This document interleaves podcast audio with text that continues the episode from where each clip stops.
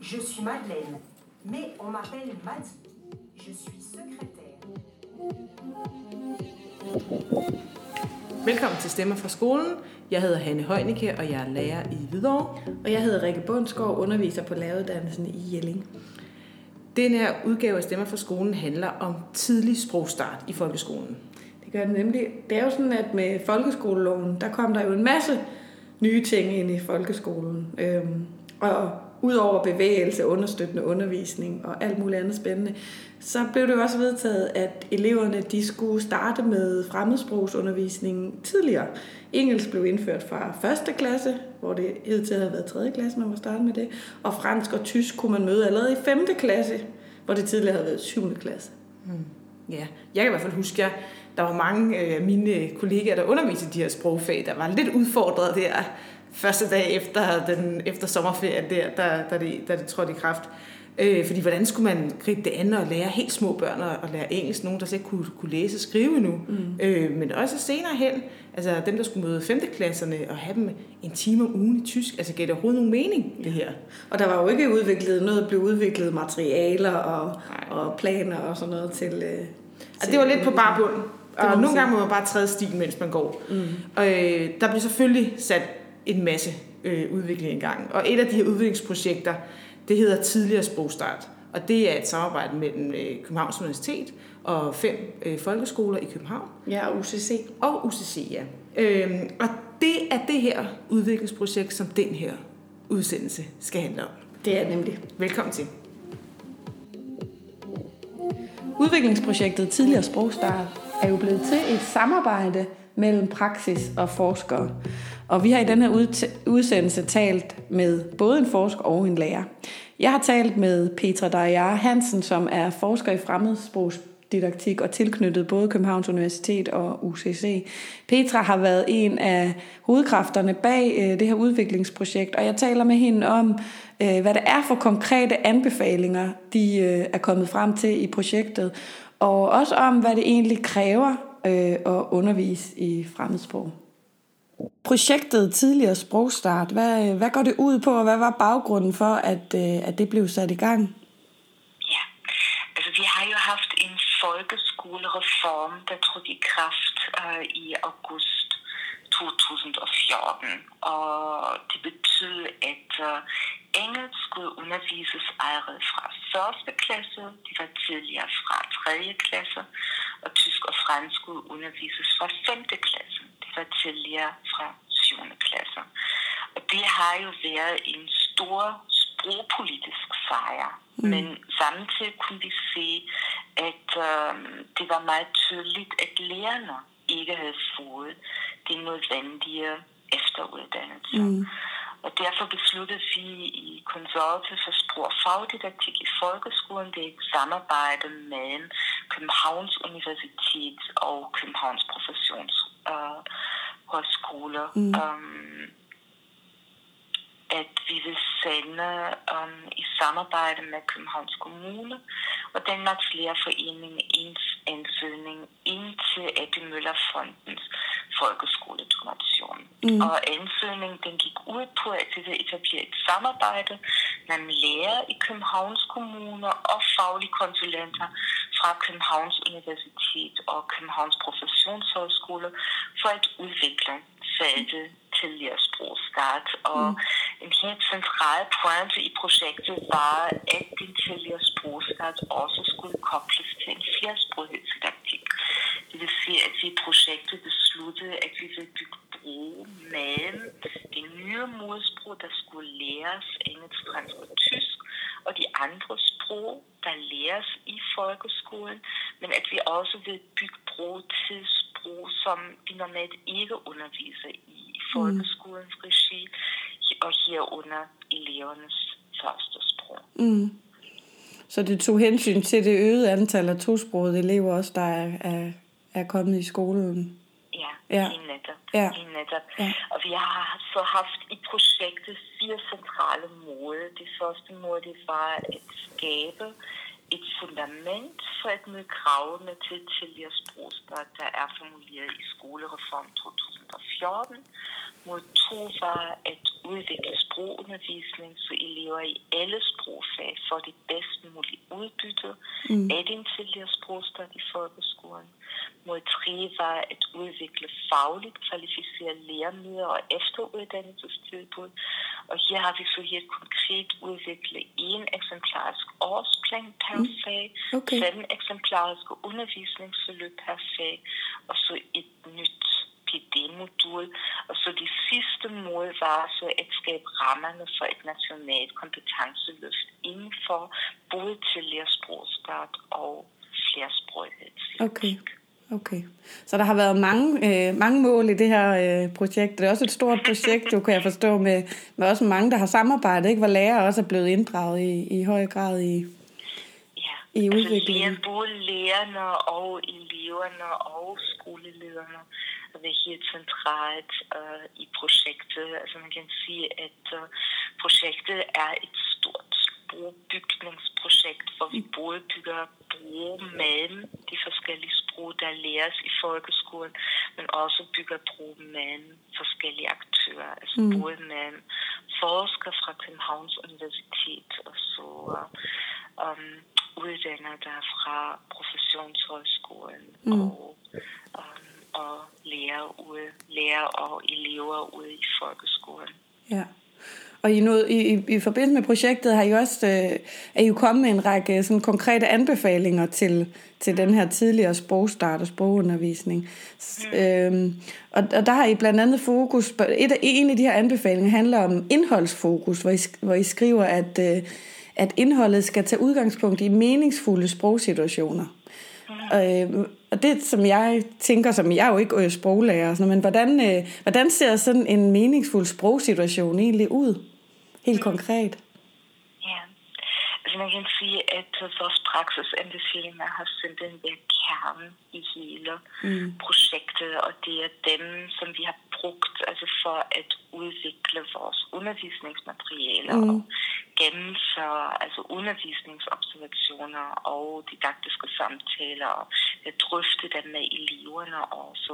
Og, og her i forhold til det med, um, altså en af praksisanbefalingerne er så, at um, lærerne skal skabe meningsfulde sprogbrugssituationer. Um, og altså så sprogbrugssituation betyder jo, at sproget skal være i brug, og der mm. kan man sige, at uh, begynder didaktikken tit fokuserer på enkelte ord. Mm. Så at eleverne for eksempel lærer at sige brød og uh, æble og um, ost, men mm.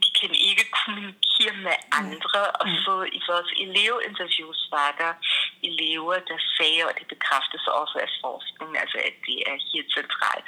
Man arbejder med de her meningsfulde sprogbrugsituationer, men elever siger, siger det også. Ja. Vores interviews, de siger, altså de lærer de her enkelte ord, men de kan ikke kommunikere med ordene. Ej. Så er der en elev, der siger, jeg vil gerne kunne sige, må jeg bede om vand? Ja. Eller jeg kan godt lide brød. Ja.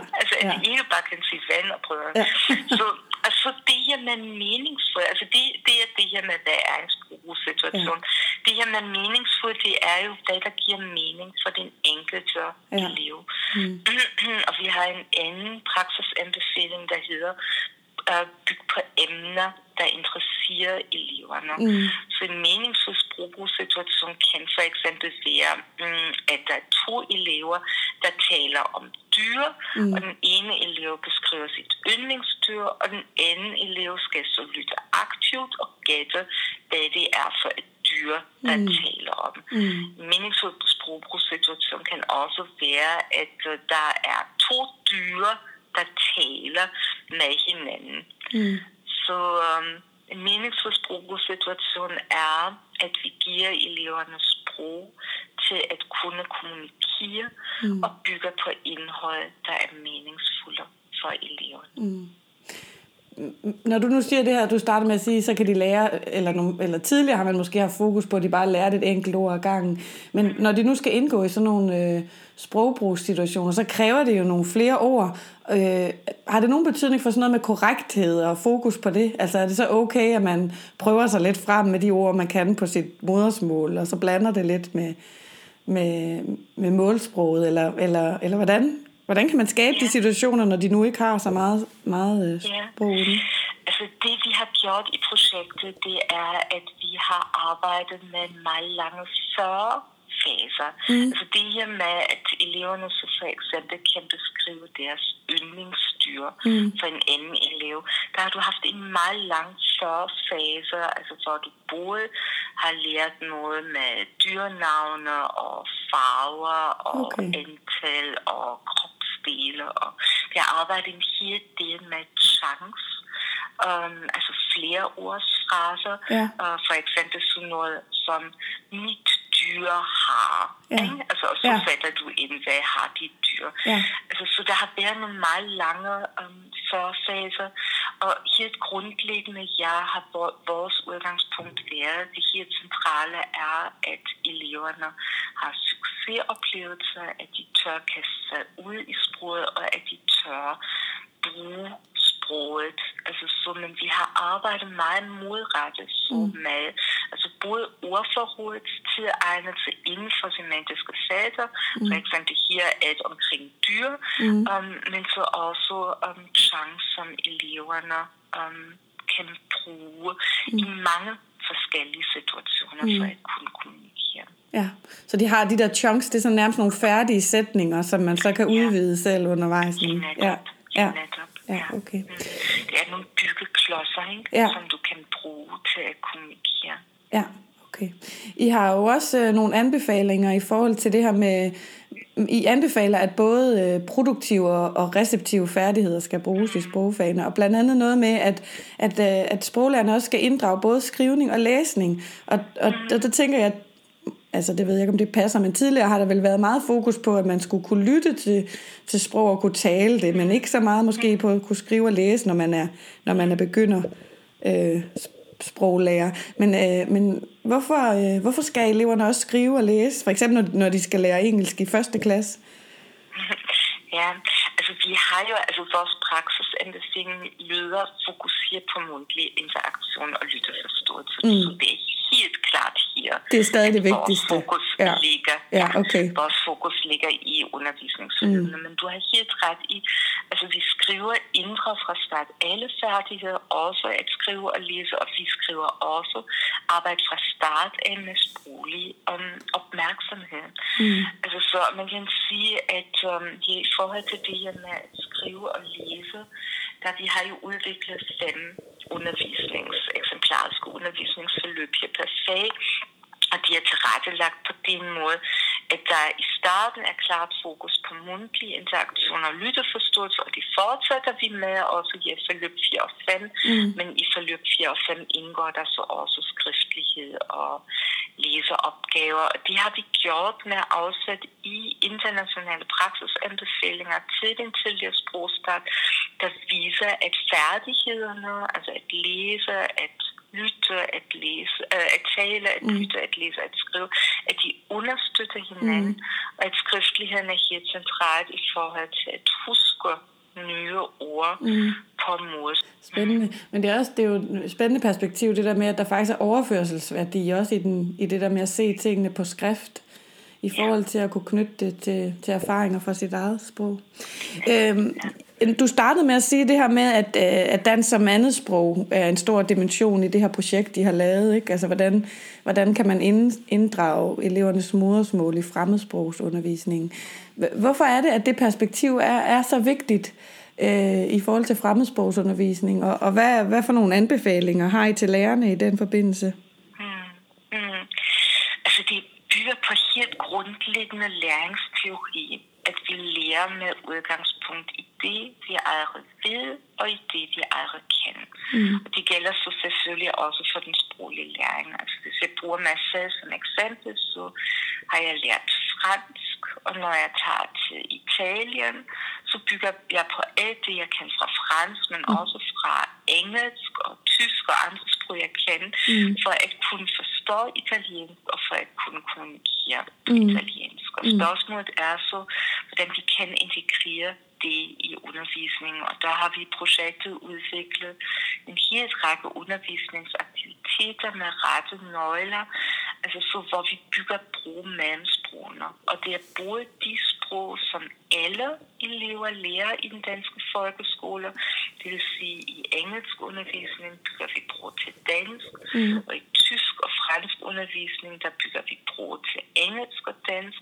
Men altså vi bygger også bro til sprog, som normalt ikke, som vi normalt ikke underviser i, i den danske folkeskole, så vi skaber læringsrum, hvor eleverne kan bygge på deres første sprog, og vi inddrager også helt andre sprog, altså for at styrke elevernes generelle sproglige opmærksomhed og deres sproglige anerkendelse mm. og deres helt generelle glæde ved sprog. Mm.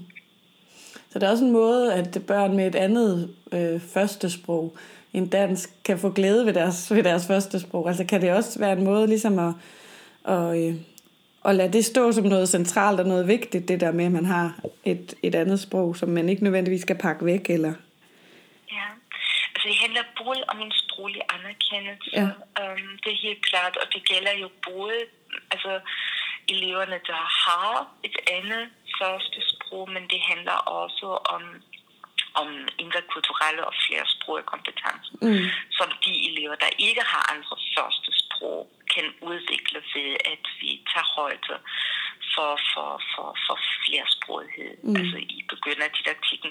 Det handler både om anerkendelse, men det handler også om grundlæggende sproglig opmærksomhed, mm. Mm. som alle elever skal styrkes i. Mm. Og det handler om, altså også for de flersprogede elever, hvor man kan sige, ikke alle elever i den danske folkeskole har dansk som første sprog, og vi ved fra forskning, at det er helt centralt, at vi bygger på det, som eleverne allerede kan og ved. Og det betyder så, at der er nogle elever i vores klasser, der har nogle andre sprog med i bagagen, som de vil kunne trække på. Så er spørgsmålet, hvordan kan vi tilrettelægge altså aktiviteter i undervisningen, hvor de har mulighed mm. for at inddrage mm. deres sproglige ressourcer. Mm. Ja, fordi man kan sige, hvis, øh, hvis man som engelsklærer skal trække på noget fra fra tysk eller fransk, så er der vel en mulighed for, at man kender tysk og fransk. Men hvis det nu er et ja. barn, der taler tyrkisk, så er det jo ikke, ja. så er det ikke sikkert, at læreren vel i samme omfang kan.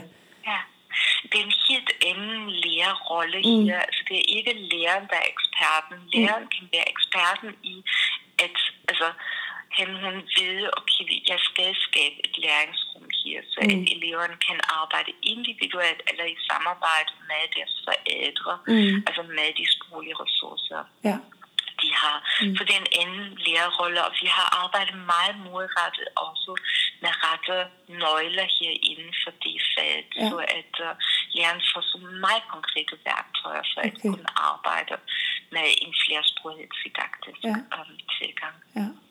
Spændende. Og det leder mig jo sådan over til, til nogle af de sidste spørgsmål, som drejer sig om det her med, med sproglærernes kompetenceudvikling. Det startede du også med at sige, at det var en, et afsættende for, for projektet, at, øh, at det jo selvfølgelig kræver noget nyt af sproglærerne, når de skal undervise i, øh, i sprog tidligere.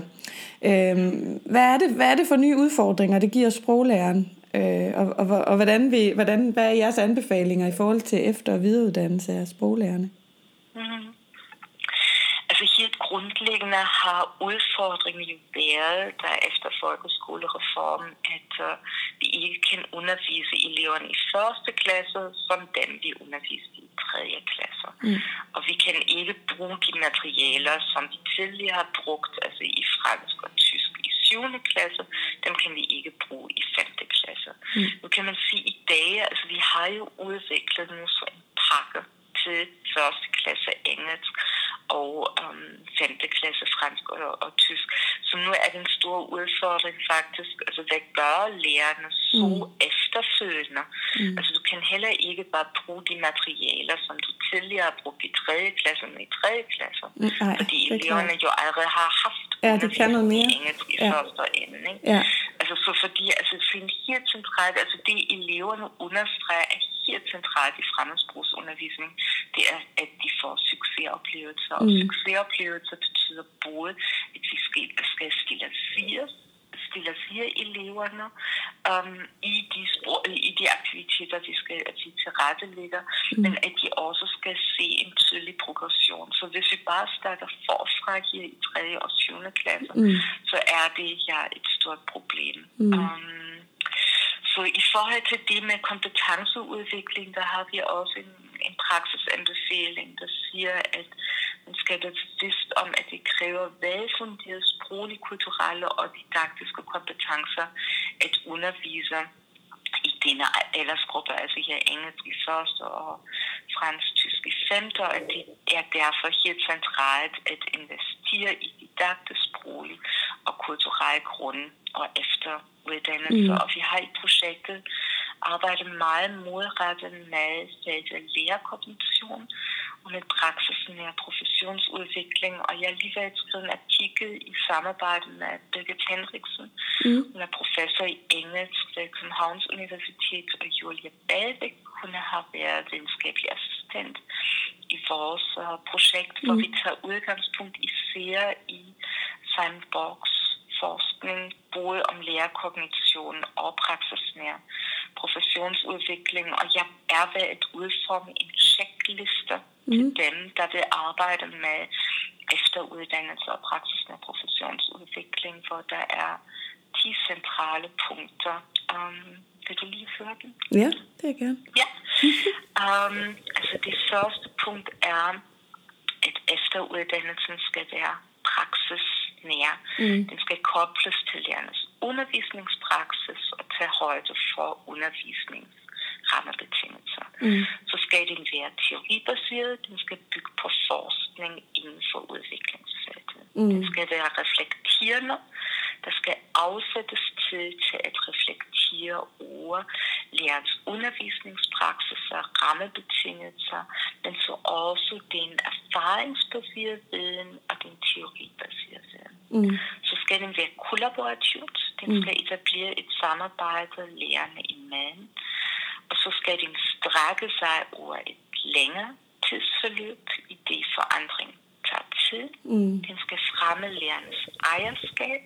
Det er helt centralt, at lærerne er involveret og medskabende i um, den her professionsudvikling. Mm.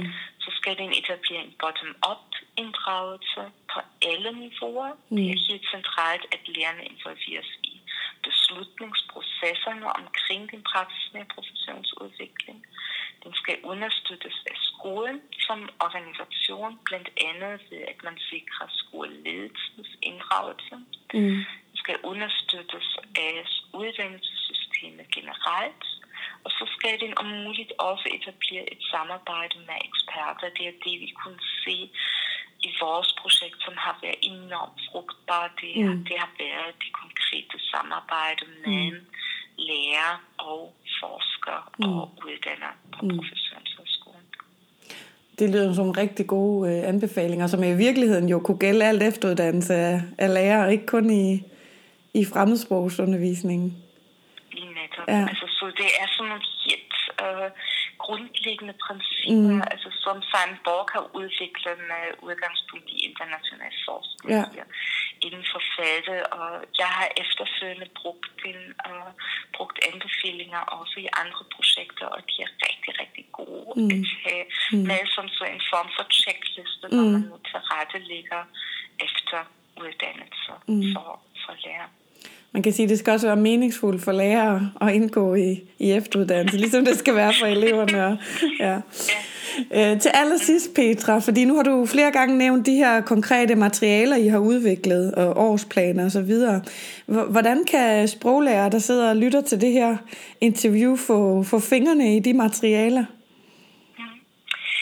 Altså, vi har vores hjemmeside, uh, tidligere sprogstart.ku.dk, og mm. her kan lærerne finde alt. Altså der ligger både vores praksisanbefalinger, og der ligger elevvideoer, og der ligger de fem undervisningsforløb og, og de tre års læreplaner, mm.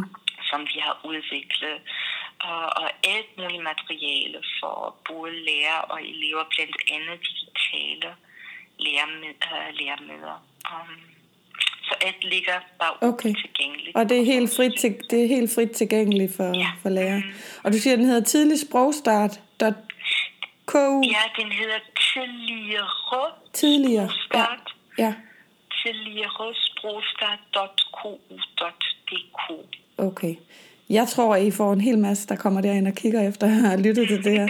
Det er jo altid dejligt som lærer at, øh, at få både sådan de der øh, overvejelser over, hvorfor noget er vigtigt, men også de helt konkrete øh, afsæt til at kunne arbejde med det. Så det, ja. det er super godt.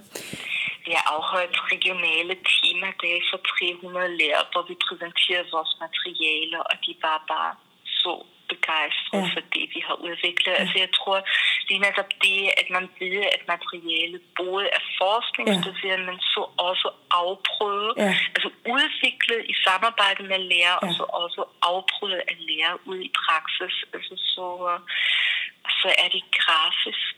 Og så, ja. altså jeg, jeg synes virkelig, at det, det er meget fint. Ja, det så, tænker jeg også, at det, det, det er det lyder, det lyder ret godt. Og netop som du siger, at der både er forskning bag, men der også er nogle, nogle lærere, der reelt har prøvet, at det faktisk også kan lade sig gøre i praksis og bruge. Ikke? Også, det er også derfor, vi har talt også med en lærer i, øh, i den her udsendelse, som øh, også fortæller lidt om, hvordan hun sådan helt konkret arbejder med, med de her materialer.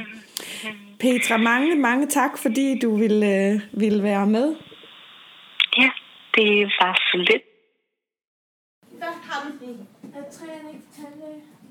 Træeren. Hvad hedder arbejdet? Og hvordan siger man det? Dentiste. Prøv lige at sige dentist. Dentiste. Hvordan kan du regne ud, at dentiste betyder tandlæge? Jeg besøgte Karoline Arp, der er lærer på Littevangsskolen, mens hun underviste i fransk. Og det er også der, vores lydklip fra en fransk øh, time stammer fra. Bagefter så satte vi os ned og fik en snak omkring, hvordan hun i praksis arbejder med de anbefalinger, som udviklingsprojektet giver. Karoline er også meget aktiv i øh, Sproglærernes Forening, og herigennem der har hun også arbejdet med det her udviklingsprojekt. Jamen, øh, jeg er primært ansat som fransklærer. Øh, men jeg underviser også i, øh, i engelsk, øh, i, især i, i 3. og 4. klasse.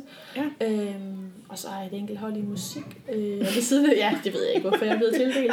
Altid mangel på en musiklærer. Fuldstændig, ja. Og det er det, det, er det fag, man, man forbereder sig allermest til, når man ja. ikke er uddannet i det. Man, for, ja, der, jeg har selv haft den opgave der. Ja, og det, er, det, det var heller ikke lige øh, min første prioritet, men øh, jeg har det ret hyggeligt med det. Øh, men så er jeg også så underviser dansk som andetsprog, så øh, jeg er tilknyttet bestemte elever, som jeg enten øh, hjælper i dansk undervisning, eller tager ud af dansk undervisning og laver ekstra dansk. Okay. Har I mange øh, tosprogede elever her på skolen? Øhm, ja og nej. Altså, vi har, øh, vi har et par stykker i hver klasse, som, mm. som får øh, det her, der hedder DSA, altså dansk som andetsprog, som får støtte i øh, dansk som andetsprog. Men, men det er ikke sådan, øh, vi, vi er ikke en af de her skoler, hvor man taler om 40 procent, 50 procent. Det er slet nej. ikke i den grad. Nej. Så det er egentlig meget, øh, meget naturlig fordeling, synes ja. jeg. Og der er jo over 1000 elever på den her kæmpe ja. skole på Frederiksberg. Jeg, jeg tror, det er 1050 eller 1080, det er sådan noget lignende. Det er helt vildt. Ja, så. det er en stor skole. Ja. Der er børn alle steder, men på en dejlig og rar måde, synes jeg. Men ja. vi skal tale lidt med dig omkring dit uh, virke som sproglærer. Og ja. først vil jeg spørge dig, hvad betyder sproglig opmærksomhed for dig? Jamen, sproglig opmærksomhed, det, øh, altså jeg forbinder det meget sammen med det, her, som vi også snakker om, der hedder flersprogighedsdidaktik. Altså det er det her med, at man er opmærksom på, øh, på andet end det målsprog, man nødvendigvis prøver at tilegne sig. Det vil altså sige, at man har alle antenner ude, når man lærer sprog.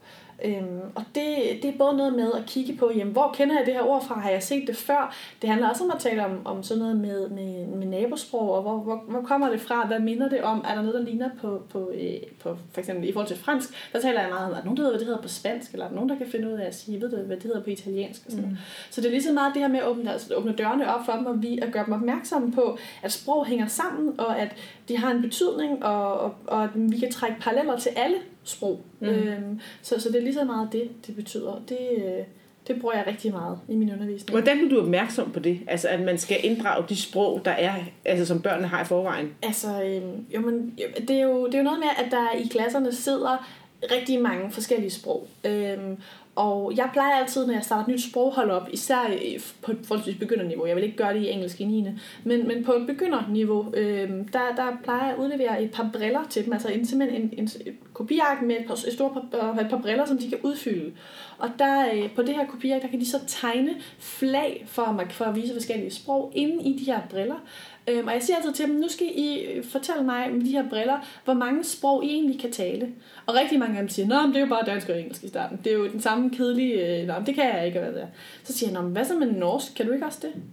Altså jo, jeg kan godt forstå det sådan. Så skal du også tegne en lille norsk flag. Og så sidder der jo også lige på sådan nogen. Og i starten, så vil de ikke altid sige det. Men så sidder nogen, den, jeg kan jo egentlig også tale arabisk. Sådan, mm. Når du har det andet modersmål, nå, så er der nogen, der kan tyrkisk, og så er der nogen, der kan Øhm, og det er faktisk næsten sådan, i hver fransk klasse, jeg har, der sidder der enten en, der kan spansk eller italiensk, eller en lille smule hjemme fra mor og far. Så der sidder faktisk en hel masse øh, mindre sprog inde i klasselokalet. Mm. Men fordi der er den her frygt for at skille sig ud, så hører vi sjældent om dem. Så, så jeg gør det her i starten for at se, okay, hvor mange sprog er der i klassen, men også fordi de her briller, dem bruger jeg så som et værktøj senere.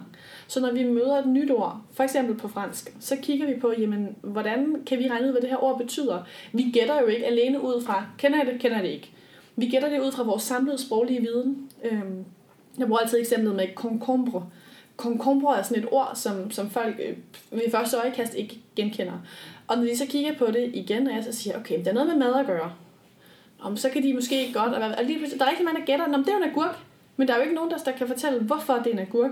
Og så hver gang jeg sige, hvor vidste du det fra? Hvordan gættede du det? Hvad skete der op i hovedet på dig? Og så, nå jo, men jeg kender det jo bare fra engelsk, siger de så altid. Cucumber. Cucumber. Ja. Og så, så det der med, at hver eneste gang, for nogle af dem er det bare sådan, ja selvfølgelig. Og for andre så er det sådan noget, nå ja, de havde ikke selv gættet det, fordi de slet ikke tænkte engelsk, da de skulle gætte på det franske ord. Mm. Så det er noget med hver eneste gang at sige, hvor vidste du det fra? Hvor gættede du, hvordan gættede du det? Og hvilket sprog tænkte du på? Eller hvad for et sprog kender vi det fra? Eller? Altså det vil sige, at den der sprogbevidsthed handler også om, hvordan man finder frem til, hvad det betyder, ja. eller hvad? Ja, altså det er jo, det er jo en gættestrategi i virkeligheden, ja. ikke? At bruge sin samlede sproglige viden. Mm. Øhm, og det, det, jeg bruger det, altså især i, i begynderundervisningen, bruger det meget receptivt, altså til at indtage nye sprog, når man, når man hører et ord for første gang, eller man ser et ord for første gang. Øhm, men senere kan man så bruge det produktivt. Mm. Jeg havde en elev i 6. klasse, der i går spurgte mig, hvordan siger man klog på fransk? Så sagde jeg, kender du et ord for klog, man både kan sige på dansk og på engelsk? Og så svarede eleven lige med sammen, intelligent. Mm. Så sagde jeg, nu ved du godt, hvordan det er, vi udtaler ting på fransk. Du ved godt, om vi siger in og en. Og, ja, det vidste jeg godt. Så, når, hvordan siger man så uh, intelligent på fransk? Og så kunne han godt gætte sig til, at det hed intelligent på fransk. Hvor jeg fedt, der havde du ordet. Jamen, der var det. Altså, og det, det er det der med at bruge det, du har i forvejen, i stedet for bare at sidde og sige, det ved jeg ikke. Ja. Mit næste spørgsmål, det var faktisk, øh, hvordan forbedrer det din undervisning? Men det har ja. du faktisk givet så mange gode eksempler på, ja. så jeg springer videre til det næste spørgsmål, og det er, Øh, det er noget, nu arbejder jeg i indskolingen normalt, når jeg er ude og, være, og være skolelærer. Ja. Og øh, nogle gange så tænker jeg, det kan godt være lidt svært at skabe nogle meningsfulde øh, undervisningssituationer ja. for helt små børn. Og hvordan ja. skaber man en meningsfuld sprogundervisning for for eksempel en første klasse? Eller, altså sådan, ja. Hvad skal de bruge det til? Hvordan bliver det re- relevant for dem? Det er sådan noget, man diskuterer rigtig meget med de der meningsfulde sprogsituationer. Øhm, og især fordi øh, det er jo begrænset, hvor meget børn kommunikerer udad til med mm. andre og med, med, med voksne. Eller det er i hvert fald det, der har været den her myte, at jamen, det er jo ikke meningsfuldt for børn at tale engelsk. Eller det er ikke meningsfuldt for dem at tale fransk i femte. Øhm, vi taler altså om det her med de nære emner. Altså vi, vi, vi lærer sprog øh, fra, fra børnenes nære verden. Så det første, vi skal lære at sige, det er at præsentere sig selv. Ikke så meget fokus på så mange andre, men hvordan siger man, jeg hedder, jeg er så gammel, jeg er, og, og, og, og, og desuden så arbejder jeg meget selektivt med, med ordforrådstilegnelse. Det betyder ikke, at de ikke skal lære alle ord, men det betyder, at det første, de skal lære, det er det, der er interessant for dem selv. Så jeg har altid nogen, der sidder og har helt styr på fra dag 1, hvordan man siger, jeg går til fodbold, eller jeg spiller fodbold. Og så sidder der altid, der sidder altid en hestepige på holdet, øh, som har helt styr på ridning fra dag 1. Så jeg lærer dem, altså jeg giver dem lov til at selektere i, hvad for nogle ord de først lærer, afhængig af deres egne interesser. Mm. Fordi det er mere meningsfuldt for dem, hvis det er noget, der interesserer dem. Mm. Og jeg kender rigtig mange, der ikke vil have brug for at sige, at jeg går til ridning. øh, men, men der er også nogle få, som, som rigtig gerne vil fortælle om det. Ikke? Øh, så, så man arbejder også ud af deres, deres nære verden, og hvad er det, der sker i deres liv, og hvad der interesserer dem. Øh, Men, men det her med de her situationer især, hvad er det, de skal kunne bruge det til? Altså jeg synes, for i lærebøgerne for 10 år siden, der var rigtig meget sådan noget med, nu skal du skrive en tale, en politisk tale, eller mm. skriv et postkort, det er der også i ganske nye materialer, skriv et postkort på fransk til en, du kender, hvor du præsenterer dig selv. Men hvorfor skal jeg skrive et postkort til en, jeg kender, hvor jeg siger, hvad jeg hedder? Det er jo mere, altså sådan, så, så det, det der med at skabe... Jeg fra, at de godt ved det. Jamen, det er jo det. Så, så det med at skabe en meningsfuld sprogsituation. Jeg har i sidste uge stillet en opgave, der hed... Øh, send en Snapchat til øh, din sidemand, hvor du et eller andet. Fordi det er det, de bruger. Det er det, de mm. kan forestille sig, det er det, de kan forholde sig til. Og lad os sige, at de tager på sommerferie til et fransktalende land næste år, jamen, og får en ven der, jamen, så er det det, de skal kunne bruge. De skal kunne Snapchat, eller de skal kunne øh, vlogge. Jeg har lige lavet et vlogforløb i engelsk i, mm. i 8. klasse. Øhm, fordi, fordi det er jo det nye, det er jo YouTuber. Mm. Så for eksempel lave en video, hvor du fortæller om et eller andet, der interesserer dig på fransk, på engelsk, på hvad ved jeg. Øh, eller send en sms til din mor, hvor du skriver, at du kommer for sent hjem, eller et eller andet. Altså det med at skabe en situation, de kan forholde sig til, der ligner deres verden. Fordi det der med at sende et postkort, altså halvdelen af dem ved jo ikke, hvad et frimærke er. Øh, så, nej. Så, øh, nej, nej, nej. Hvordan, nu har vi talt meget omkring altså de sproglige, øh, eller de mundtlige færdigheder. Ja. Øh, og i den øh, rapport, som vi i den her podcast sådan, øh, tematiserer mm. lidt og beskæftiger sig med, der øh, står der også, at man skal inddrage alle færdighederne i begynderundervisning. Ja. Og der har jeg øh, tænkt, at det skriftlige del, det må være lidt en udfordring. Ja, det, det, det er apropos myter, så det, det, er, det, er nok det, jeg har diskuteret allermest didaktisk i mit liv. Det er, skal vi droppe skriftligheden i begynderundervisningen, eller skal vi holde fast i den? Mm. Øhm, og man kan sige, at det kommer til dels an på, hvad det er for sprog, man taler om. Men jeg er kæmpe tilhænger af, at man binder lyd og skrift sammen fra dag et. Fordi det er jo sådan, både på engelsk, der er en del lyde, øh, som staves på en bestemt måde. For eksempel dobbelt E, der giver en I-lyd, øh, eller EA, der kan give en I-lyd. Øhm, det kan være helt vildt svært for børn at forstå. Øhm, at to bogstaver, når de lige har lært at læse, kan give en anden lyd end den, øhm, som, som de er vant til, og som det bør give for dem. Og derfor mener jeg, at man fra dag 1 skal binde sprog og skrift sammen. Fordi der er mange, der siger, at så tager vi det kun mundtligt i starten, og så bliver det skriftligt senere. Men hvis vi kun lærer dem det mundtligt i starten, så lærer de et sprog. Når de skriften skal kobles på, og de så ser ordene for første gang på skrift, jamen, så vil mange af dem tænke, det er et helt andet sprog, eller de kan ikke mm. genkende dem. Mm. Så jeg tror, og det er kun min helt personlige, jeg mener, at de skal have det bundet sammen fra dag 1. Og også i, min, på min, i mit tredje klasses hold i engelsk, der er rigtig mange af dem, som staver øh, som brækket arm på engelsk, men det, jeg retter ikke deres stavning. Det er vigtigt for mig, at de prøver at skrive ned, og de prøver at sætte... Er det fordi, de skriver sådan øh, lydskrift, eller hvad skal man sige? Ja, de ja. skriver lydskrift, eller så skriver de øh, ud fra sådan et dansk perspektiv, altså en mm. dansk stavning, øh, ja, ja. så de kender lydene på dansk. Og det retter jeg sådan set ikke, fordi for mig er det vigtigere, at de ikke bliver skræmt over at skrive på engelsk. Det handler om at bruge sproget. Det handler om at få, ja, at få produceret så meget som muligt. Både mm. skrevet og, og, og sagt så meget mm. som muligt. Og derfor er det også rigtig nemt, øh, og sådan, det er jo nemt at rose dem at sige, nej, hvor flot har du skrevet, du har skrevet fire sætninger nu på engelsk, hold da op, det er godt nok flot. Og sådan ja. Så det kan godt være, at det ikke er, er stadig øh, helt efter bogen.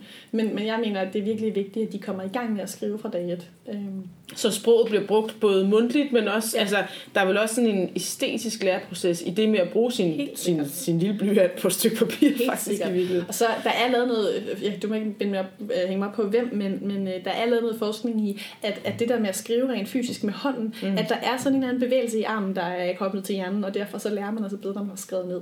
Ja. Og det, det kan jeg mærke mig selv. Jeg skal selv skrive alting ned, ellers mm. så har jeg ikke lært det. Ja, vi har så, faktisk i en anden øh, podcast, vi har lavet talt med en forsker, der hedder ja. Therese Schillop, der kommer ind på mange øh, et ja. spændende øh, pointer omkring æstetiske læreprocesser. Det ja. kan man men, øh, læse eller lytte om det. Men noget helt men, andet. Jeg har, det er ja. angående det her med skrift og lyd. Altså, det er jo også lidt forskelligt, hvad det er for et sprog. Fordi mm. tysk for eksempel ligner jo, der kan man, altså, lydene øh, ligner meget de danske, øh, og, og, og det er meget lydret skrevet. Altså, der er ikke mm. ret langt mellem tale og skrift mm. øh, på tysk. Slet ikke for en dansker, når man bevæger sig ned i det tyske sprog. Men på fransk er der jo rigtig mange sjove, øh, for eksempel vokalkombinationer, der kan give nogle mærkelige lyde. For eksempel A, U giver O, og øh, så har vi øh, alle de nasalvokalerne, de der øh, og, og, og, de, de ligger meget langt fra, dan, fra danske elever lære. Ja. Øhm, så det er jo også noget med, øh, så tidligt som muligt, at binde det her sammen for dem, så det ikke bliver to forskellige sprog. Mm. Øhm, jeg har en veninde, der har skrevet speciale om ordblindhed og fransk, fordi ordblinden har øh, i højere grad svært ved at lære fransk end tysk, fordi der er så langt mellem taler og skrift, at det er to forskellige sprog. Mm. Og hvis, ikke, du, hvis du i forvejen har svært ved at koble øh, altså, øh, grafemet, det skrevne, til, det, til lyden, du hører, så er det endnu sværere, når det er nogle helt nye lyder på et helt andet fremmedsprog. Mm. Gud, ja, det giver faktisk god mening. Så er det virkelig en, en ekstra udfordring for de, ja. øh, for, de, for de elever, vi har i skolen, som jo er ordblinde. Dem har vi jo i alle klasser næsten. Det har vi. Ja. Og, og det, man må aldrig nogensinde, altså jeg, jeg vil aldrig nogensinde sige til en elev, at du er så du skal nok vælge tysk. Men hvis forældrene reelt kommer og spørger, øh, hvad skal vi gøre? Vores barn, øh, hvad ved jeg. Altså, der skal virkelig en, en, en indsats til, i hvert fald for, for det, på det franske, mm. øh, når man er ordblind. Så, øh, så hvis det er nogen, der ikke brænder vanvittigt meget for sprog, og ikke har så nemt ved sprog, så er det altså nemmere for ordblinde at lære tysk, vil jeg våge at påstå. Det kan være mm. tysk, jeg siger noget andet. Men, øh, ja. Men du kommer fra Sønderjylland, ja. så du har jo vist en, en, en vis tysk DNA i dig, ja, ja. må man sige. Okay. Der, I den rapport, som vi har læst, øh, ja. der er der også en hel masse gode praksisanbefalinger, som ja. vi også vil tale rigtig meget mere om. Ja. Øh, og der står der noget om chunks. Ja. Hvad er det egentlig? Det er mere, fordi jeg er ikke selv sproglærer, men jeg tænker, at det er måske også nogle andre sproglærer, der ikke lige er klar over, hvad det er. Men uh, chunks, det er jo... Øh, det er jo øh, ja, det lyder ikke så charmerende at sige klumper af ord, øh, men det er sådan nogle øh, sammensatte konstruktioner, altså nogle små, korte, faste konstruktioner, som, øh, man, som jeg anvender rigtig meget i begynderundervisningen, sådan så man lynhurtigt får nogle hele sætninger, der giver mening for en.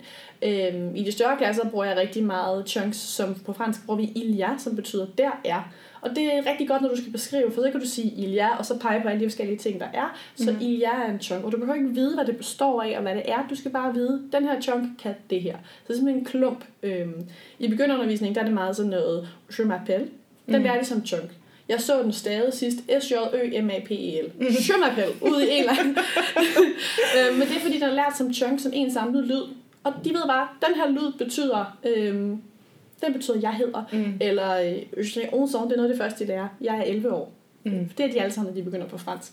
Øhm, og så først, når de kommer op i syvende, så går det sådan, at de begynder at skille sætningen ad. Så begynder de at finde ud af, okay, je betyder, jeg har og 11 betyder 11. Så det først, når de så lærer tallene, de forstår, når 11 betyder 11, men je betyder jeg har, og så kan de lave en, kon- en konklusion, der hedder, når jo, men man bruger faktisk at have, man må fortælle sin alder på fransk. Mm.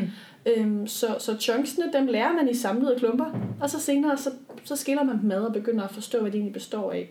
Og der var engang en underviser, der sagde til mig, ja, så på et tidspunkt, så bliver det jo til chunks igen og det er jo rigtigt, når jeg skal sige min alder på fransk, hvis jeg snakker med nogen, og de spørger, hvor gammel jeg er, og jeg så forklarer, så vil jeg aldrig nogensinde begynde at tænke over, nå ja, det er den med at have, for jeg kan jo bare chunken, mm.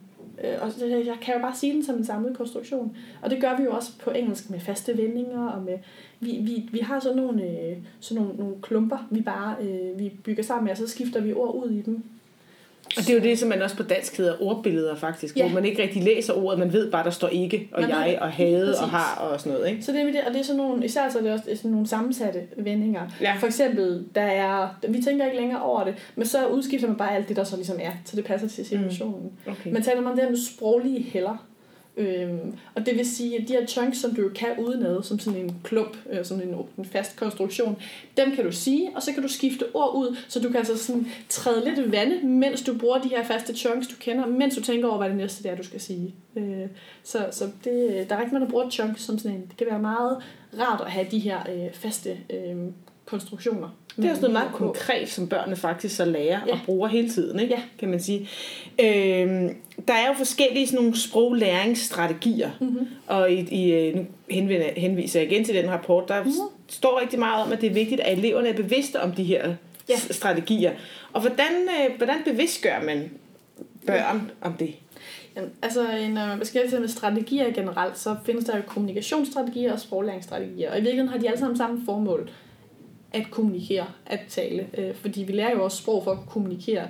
Øh, men, men det her med at, øh, at bevidstgøre eleverne om det, det kan så være desværre, fordi det er på et så abstrakt plan. Øh, det er jo noget med, at man allerede i 5. klasse begynder taler om deres egen tilegnelsesproces og, og sige, Nå, Alfred, du skal være klar over nu, at øh, når du skal lære sprog, så er det en rigtig god måde, og det kan, det kan du jo ikke øh, undervise i øh, som sådan.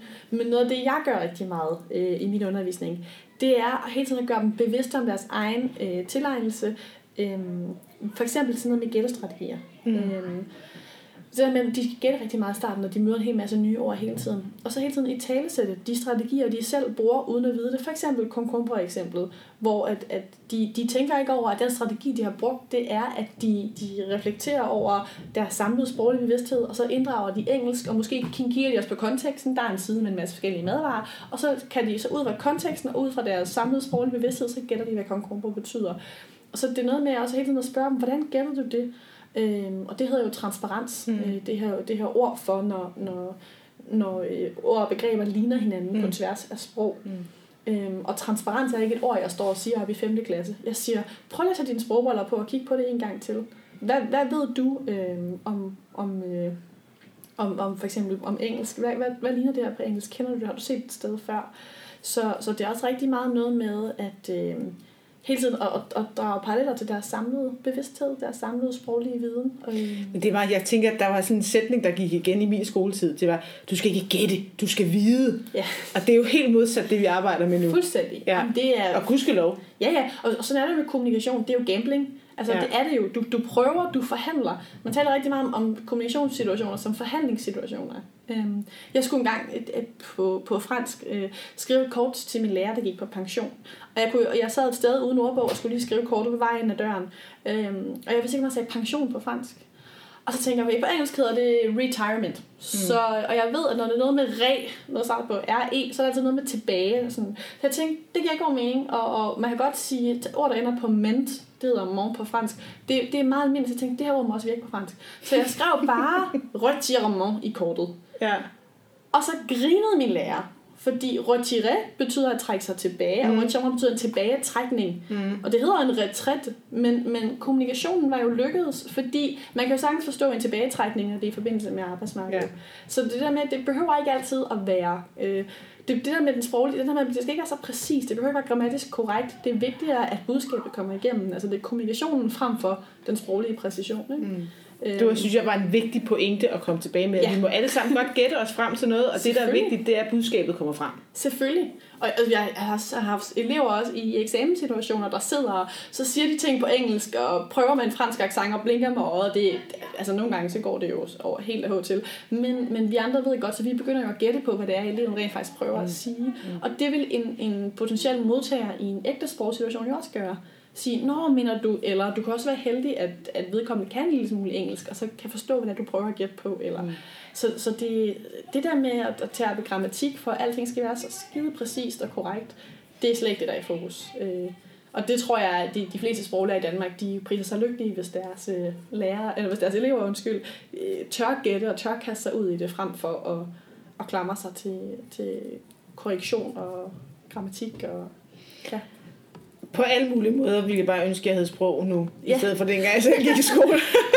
ja. Men ved du, Karoline, tusind tak, fordi du måtte komme her til Frederiksberg og besøge dig. Det har været så spændende, både at være med godt. i din undervisning og at sidde her og snakke med dig. Jamen, det var en fornøjelse.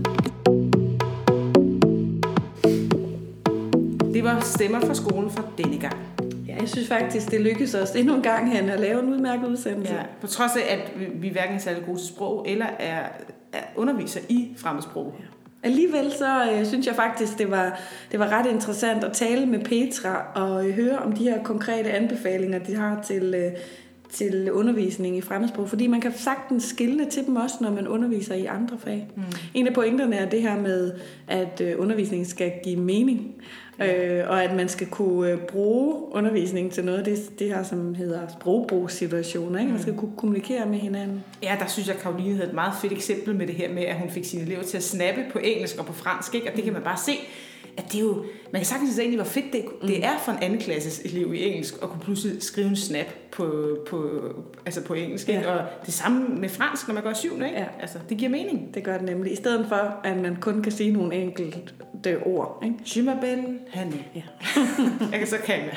det er det, du kan. Det er det, jeg kan. Øh, jeg synes også, øh, pointen eller, eller praksisanbefalingen om, at øh, man skal trække på, på de sprog, eleverne kan have flere sprog i spil, mm. simpelthen. Ikke? Den, den, øh, den kan man også godt øh, Ja, den kan man... inspireret af. Ja, også det der med, at det handler om at gætte. Mm. Ikke? Jo. Brug det, du kan. Brug, hvad du forventer, hvad du tror måske det er, og sådan noget. Ikke? Jeg synes også, det giver en meget... Det gør altså også noget ved klasselokale, at man godt må svare forkert. Mm. At man godt må... må måske er det det her. Mm. Man behøver ikke altid at vide det 100% sikkert. Nej. Det synes jeg er i hvert fald et godt undervisningsmiljø at skabe i en klasse. Og det kan man jo bruge, selvom du underviser matematik, eller dansk, eller, eller natur og teknologi, eller, eller hvad det er. Ikke? Mm. Her, her skal vi bare byde ind. Og så er øh, fremmedsprogslærerne jo ret heldige, ikke? fordi der ligger jo nu simpelthen den her side, tidligere sprogstart.ku.dk, øh, som vi også har været inde og kigge på, og den, øh, den er rigtig fed. Ikke? Der ligger årsplaner, der ligger konkrete forløb, og der ligger også små videoer, hvor, øh, hvor elever øh, giver udtryk for, hvad det er, de synes er vigtigt, når de bliver undervist. Ja, for vi skal ikke glemme eleverne. Det skal vi nemlig ikke. Det er jo dem, vi gør det for. Mm. Og, øh, og deres bud på, hvordan de vil lære det her fremmedsprog, kunne også være interessant, ja. at, man, at man fik med. Ikke? Jo, og det har de brugt rigtig meget i udviklingsprojektet. Det, det henviser Petra også til flere steder, at hun øh, hendes forskning faktisk også tager udgangspunkt i, hvad er det, eleverne efterspørger. Ja. Men øh, vi håber i hvert fald, at I vil gå ind på den her hjemmeside og snuse lidt rundt og måske blive inspireret, og så lyttes vi ved en anden gang. Og vi siger endnu en gang tak til Lærernes A-kasse, fordi at de øh, har været øh, med i det her samarbejde om Ja. den her podcast. Og det samarbejde, det fortsætter heldigvis også til næste år, så vi kan blive ved med at lave i hvert fald 12 podcasts sammen med dem. Ja. Tak for nu.